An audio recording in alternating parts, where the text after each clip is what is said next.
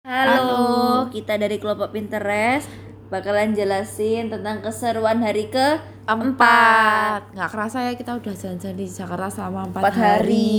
dan hari keempat ini kita mendapatkan experience yang baru pastinya beda sama yang kemarin-kemarin dan nggak kalah seru betul Betul sekali. jadi hari ini kunjungan pertama pagi-pagi kita udah kumpul hari ini kumpulnya Kumpulnya kita lebih siang daripada hari sebelum sebelumnya. Jadi tapi walaupun siang tapi kunjungan kita tetap banyak tempat Iya. ya jadi worth it jalan-jalan kita hari ini. Yang pertama kali kita kunjungi adalah suatu perusahaan yang um, mengelola data-data untuk perusahaan untuk penjualan. Kira-kira apa ya nama perusahaannya? PT Nelson. Yeay, jadi kunjungan pertama kita adalah ke PT Nelson, yaitu adalah suatu perusahaan yang bergerak di bergerak di bidang informasi global serta media dan berfokus pada suatu penelitian dan melakukan suatu riset dalam memberikan suatu informasi tentang pemasaran dan konsumen televisi serta melakukan riset terhadap media yang lainnya seperti riset terhadap bisnis publikasi, trade show, dan riset terhadap dunia online. Perusahaan Nielsen pun juga sering kita jumpai dalam melakukan riset terhadap media, terlebih masyarakat Indonesia yang cenderung mengakses internet dalam memenuhi kebutuhan sehari-hari. Jadi kalau misalnya di TV-TV seperti ada 9 dari 10 orang menggunakan produk bla bla bla itu kebanyakan ris uh, risetnya itu itu berasal dari PT Nelson. iya Jadi PT datanya Nelson tuh kayak yang merangkum semua eh, survei pasar. pasar. Jadi mereka tuh eh, perusahaannya tuh menjual data riset gitu. Jadi PT Nielsen tuh merupakan perusahaan yang selalu dikaitkan dan bergerak di bidang ilmu komunikasi seperti dunia pemasaran dan periklanan, komunikasi media, jurnalistik hingga hubungan masyarakat atau public relation. Nielsen pun merupakan eh, memberikan suatu riset tentang gambaran konsistensi konsumen sehingga produsen dapat mengalami memahami psikologi, sosiologis dan selera konsumen. Jadi itu kayak kalau kita udah beli suatu perusahaan beli datanya di PT Nielsen itu tuh bisa memprediksi pasarnya yang akan datang itu yang diminati konsumen tuh apa sih? Apakah ko- konsumen tuh mm, lebih berminat memilih produk A daripada produk yang lainnya padahal Iya. Yang dijual itu sama. Iya, bahkan mereka tuh bisa sampai mencar mengumpulkan risetnya tuh sampai kayak alasannya tuh kenapa lebih prefer ke suatu produk dibanding produk yang lain. Seperti itu. Jadi kalau PT Nielsen ini sangat dicari dan dibutuhkan oleh setiap perusahaan. Terus di sini tuh kita belajar tadi tuh kita diajarinya tuh lebih ke arah kalau kita mau launch suatu produk baru jadi kayak kita dianggap sebagai suatu perusahaan baru yang bakal ngeluarin produk. Kita tuh diajarin step-stepnya yaitu pertama kalau misalnya kita mau launch barang atau mau buat barang lah pada awalnya kita tuh harus survei pasar dulu. Gimana sih minat pasar dan berapa banyak pesaing yang telah eh, yang telah ada di dunia penjualan jadi kayak pertama-tama tuh kita analisa breakdown. Kira-kira produk kita tuh masuk ke kelas mana? Lebih ke arah penggunaan data marketing demografi yaitu eh, mungkin bisa surveinya tuh dikelompok-kelompokkan berdasarkan jenjang pendidikan dikategorikan berdasarkan usia berdasarkan eh, demografi. Jenis kelamin juga. jenis kelamin juga bisa. Terus kalau udah step kedua adalah siapa yang mau disurvei jadi kriteria frekuensinya seberapa sering? Maksudnya misalnya waktu 10 bulan terakhir atau enam bulan terakhir atau satu terakhir satu tahun terakhir gitu. Jadi eh, di PT Nielsen ini mereka juga menjelaskan bahwa survei mereka itu supaya fix eh, mendapatkan suatu data yang aktual itu tuh mereka dengan cara door to door. Kayak mereka langsung terjun ke lapangan ngesurvei setiap orang setiap konsumen setiap pelanggan. Mereka tuh izin ke RT untuk ketok-ketok dari rumah ke rumah. Tapi juga bisa sih melalui cara yang lain baik mau email maupun fax. Terus habis itu bisa dengan cara menggunakan kuesioner itu juga bisa. Dan di PT Nielsen ini karena mereka membutuhkan data yang akurat untuk dijual kembali kepada kliennya mereka, maka mereka tuh melakukan survei yang sangat lengkap. Bahkan untuk melakukan satu survei mereka bisa menggunakan secepatnya itu 15 menit. Paling cepat 15 menit ya kan. Iya, maksimal dua setengah jam dengan waktu yang lama ini tentunya mendapatkan data yang Pasti akurat. akurat.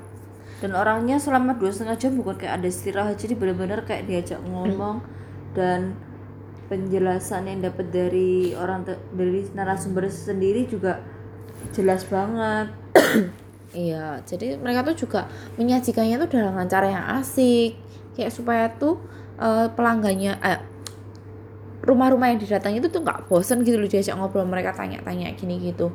Dan tentunya bagi rumah yang didatangi itu diberi sedikit imbalan sih supaya kayak sebagai balasan jasa Tapi informasi dari mereka. Kalau dikit biasanya cuma dikasih kayak eh hadiah gitu ya Iya, seperti tapi kalau misalnya lama ya dikasihnya berupa uang Iya. Tapi yang penting kan PT Nielsen tuh mendapatkan survei dari pelanggan secara langsung dan bisa aktual untuk dijual kepada customer mereka. Jadi bisa menjawab kebutuhan customer mereka untuk mengeluarkan suatu produk baru. Lalu eh, setelah kita tuh tahu kayak hmm, gimana kira-kira kita diterima atau enggak di pasar, kira-kira barang kita tuh memungkinkan untuk diproduksi dan dijual atau tidak siapa target pasar kita. Tapi kita tuh juga harus mempertimbangkan dari sisi luarnya yaitu kalau misalnya kita tuh mau jual suatu produk baru kita tuh harus tahu siapa leader marketnya. Kalau leader marketnya itu udah terlalu kuat jadi kita udah punya pesaing yang sudah menjadi leader market tentunya kita tuh agak susah untuk masuk ke market yang baru eh, untuk mengalahkan si leader marketnya itu. Jadi kita harus membuat mungkin mensurvei apa sih kekurangannya dari leader market. Tentunya suatu produk tuh pasti ada kekurangannya jadi kita tuh cari apa sih kekurangannya dari leader market dan kita uh, harus menjual sesuatu yang unggulan da- dari kekurangannya leader market itu lalu kita di sana juga dijelasin kapan kita harus mensurvei secara kuantitatif maupun kualitatif. Yaitu kalau kuantitatif itu lebih ke arah yang eh kuantitatif itu lebih arah yang pertanyaannya simple sedikit tapi lebih mendalam. Banyak. Oh, tapi banyak jumlahnya. Jadi karena mereka tuh membutuhkan uh, jawaban berupa jumlah atau angka atau data. Sedangkan kualitatif pertanyaan itu melebar tapi yang disurvei itu nggak terlalu banyak soalnya harus mendalam jadi supaya tahu sampai alasan-alasannya lebih ke pertanyaan bagaimana mengapa kenapa kok gini kenapa kok gitu lalu di sisi sustainable marketingnya PT Nielsen ini uh, juga Melalui terhadap uh, lingkungan. lingkungan. Jadi Jadi melalui praktis bisnis yang bertanggung jawab dan berkelanjutan dan juga berkompeten PT Nielsen itu memberikan suatu kepedulian terhadap komunitas, dan, pasar. Jadi untuk yang tinggal dan mengoperasikan bisnisnya uh, di lingkungan PT Nielsen. Jadi dari strategi tanggung jawab dan keberlanjutan global PT Nielsen men- mencakup semua masalah lingkungan sosial dan tata kelola atau ESG yang mempengaruhi bisnis, operasi dan semua pemangku kepentingan internal dan eksternal bagi PT Nielsen sendiri. Tim global PT Nielsen bekerja untuk memiliki dampak yang tidak biasa di pasar dan komunitas tempat Kak, tempat PT Nielsen tinggal dan melayani. jadi kayak di sekitar kantornya tuh dia juga mempedulikan gitu loh terus jadi PT Nielsen ini melalui membuat dari melalui kayak semuanya itu membuat dampak yang sangat luar biasa. Jadi rekan PT Nielsen sendiri memoba, memobilisasi data dan keahlian Nielsen keahlian Nielsen untuk kebaikan menciptakan nilai bersama di komunitas PT Nielsen dan membantu menyelesaikan beberapa tantangan sosial terbesar di dunia. Ya, ini di suatu mm, anunya yang namanya Nielsen Cares gitu. Terus gimana sih PT Nielsen tuh melakukan sustainability? Jadi program yang PT Nielsen keluarkan ini didukung oleh orang-orang di dalamnya. Yang berarti itu kayak orang-orang yang ikut campur dalam perusahaan PT Nielsen sendiri dan didorong oleh rekannya untuk mengidentifikasi dan memimpin proyek yang penting bagi PT Nielsen dan selaras dengan strategi PT Nielsen. Orang-orang yang menyumbang berkumpul untuk membantu organisasi nirlaba melalui pekerjaan pro bono, pemberian natura, dan proyek-proyek komunitas langsung. Terus karena uh, data data yang sudah dianu itu dimobilisasi untuk kebaik kebaikan. Jadi proyek pro bono yang sudah disebutkan itu berlaku di data, produk dan wawasan Nielsen. Nielsen mengukur perilaku konsumen di lebih dari 100 negara dan keahlian PT Nielsen itu tentunya membantu dampak peningkatan penjangkauan, pengiriman pesan dan efektivitas serta efisiensi. Jadi mobilitas di PT Nielsen itu tentunya sangat memikirkan sustainable market. Jadi kayak keberlangsungan jangka panjangnya suatu project kayak gitu.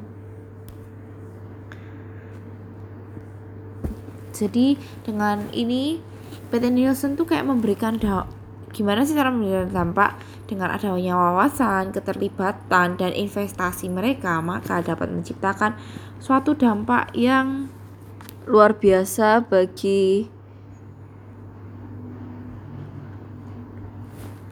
dampak yang luar biasa. Dampak yang luar biasa bagi lingkungannya mereka bagi customernya mereka gitu. Terus dan PT Nielsen itu menyediakan servis yang sangat baik bagi customernya karena mereka juga membuka 24 jam waktu 24 jam secara sukarela dengan tujuan mencatat 300 ribu total waktu sukarela termasuk waktu sukarelawan dan waktu sukarelawan pribadi dari tahun 2016 hingga tahun 2020. Sampai saat itu PT Nielsen telah mencatat lebih dari 170 ribu total jam di seluruh 2016 dan 2017 untuk mencapai tujuan tersebut. Ya karena dia sangat mementingkan sustainability yang di mana itu kayak berkelanjutan untuk masa depan itu tuh mereka nggak cuma sekali kerja selesai tapi kayak kerjanya itu berkelanjutan gitu jadi terus uh, tentang lingkungan, PT Nielsen sendiri memahami tentang lingkungan dan melalui Nielsen Green. Jadi mereka tuh punya kayak suatu part yaitu namanya Nielsen Green. Itu tuh telah membangun program berkelanjutan yang membuat komitmen global untuk menyelamatkan, melindungi dan memulihkan lingkungan alam. Dengan portofolio yang berfokus pada upaya untuk mengurangi emisi dan meningkatkan manajemen sumber daya PT Nielsen. PT Nielsen sendiri mengambil pendekatan holistik, memberdayakan kolega, klien, dan vendor untuk memimpin proyek lingkungan di mana uh, dapat memiliki dampak material seperti itu. Jadi kayak PT-nya ini tuh juga peduli gitu loh terhadap lingkungan, terhadap keberlanjutannya uh, kliennya mereka terus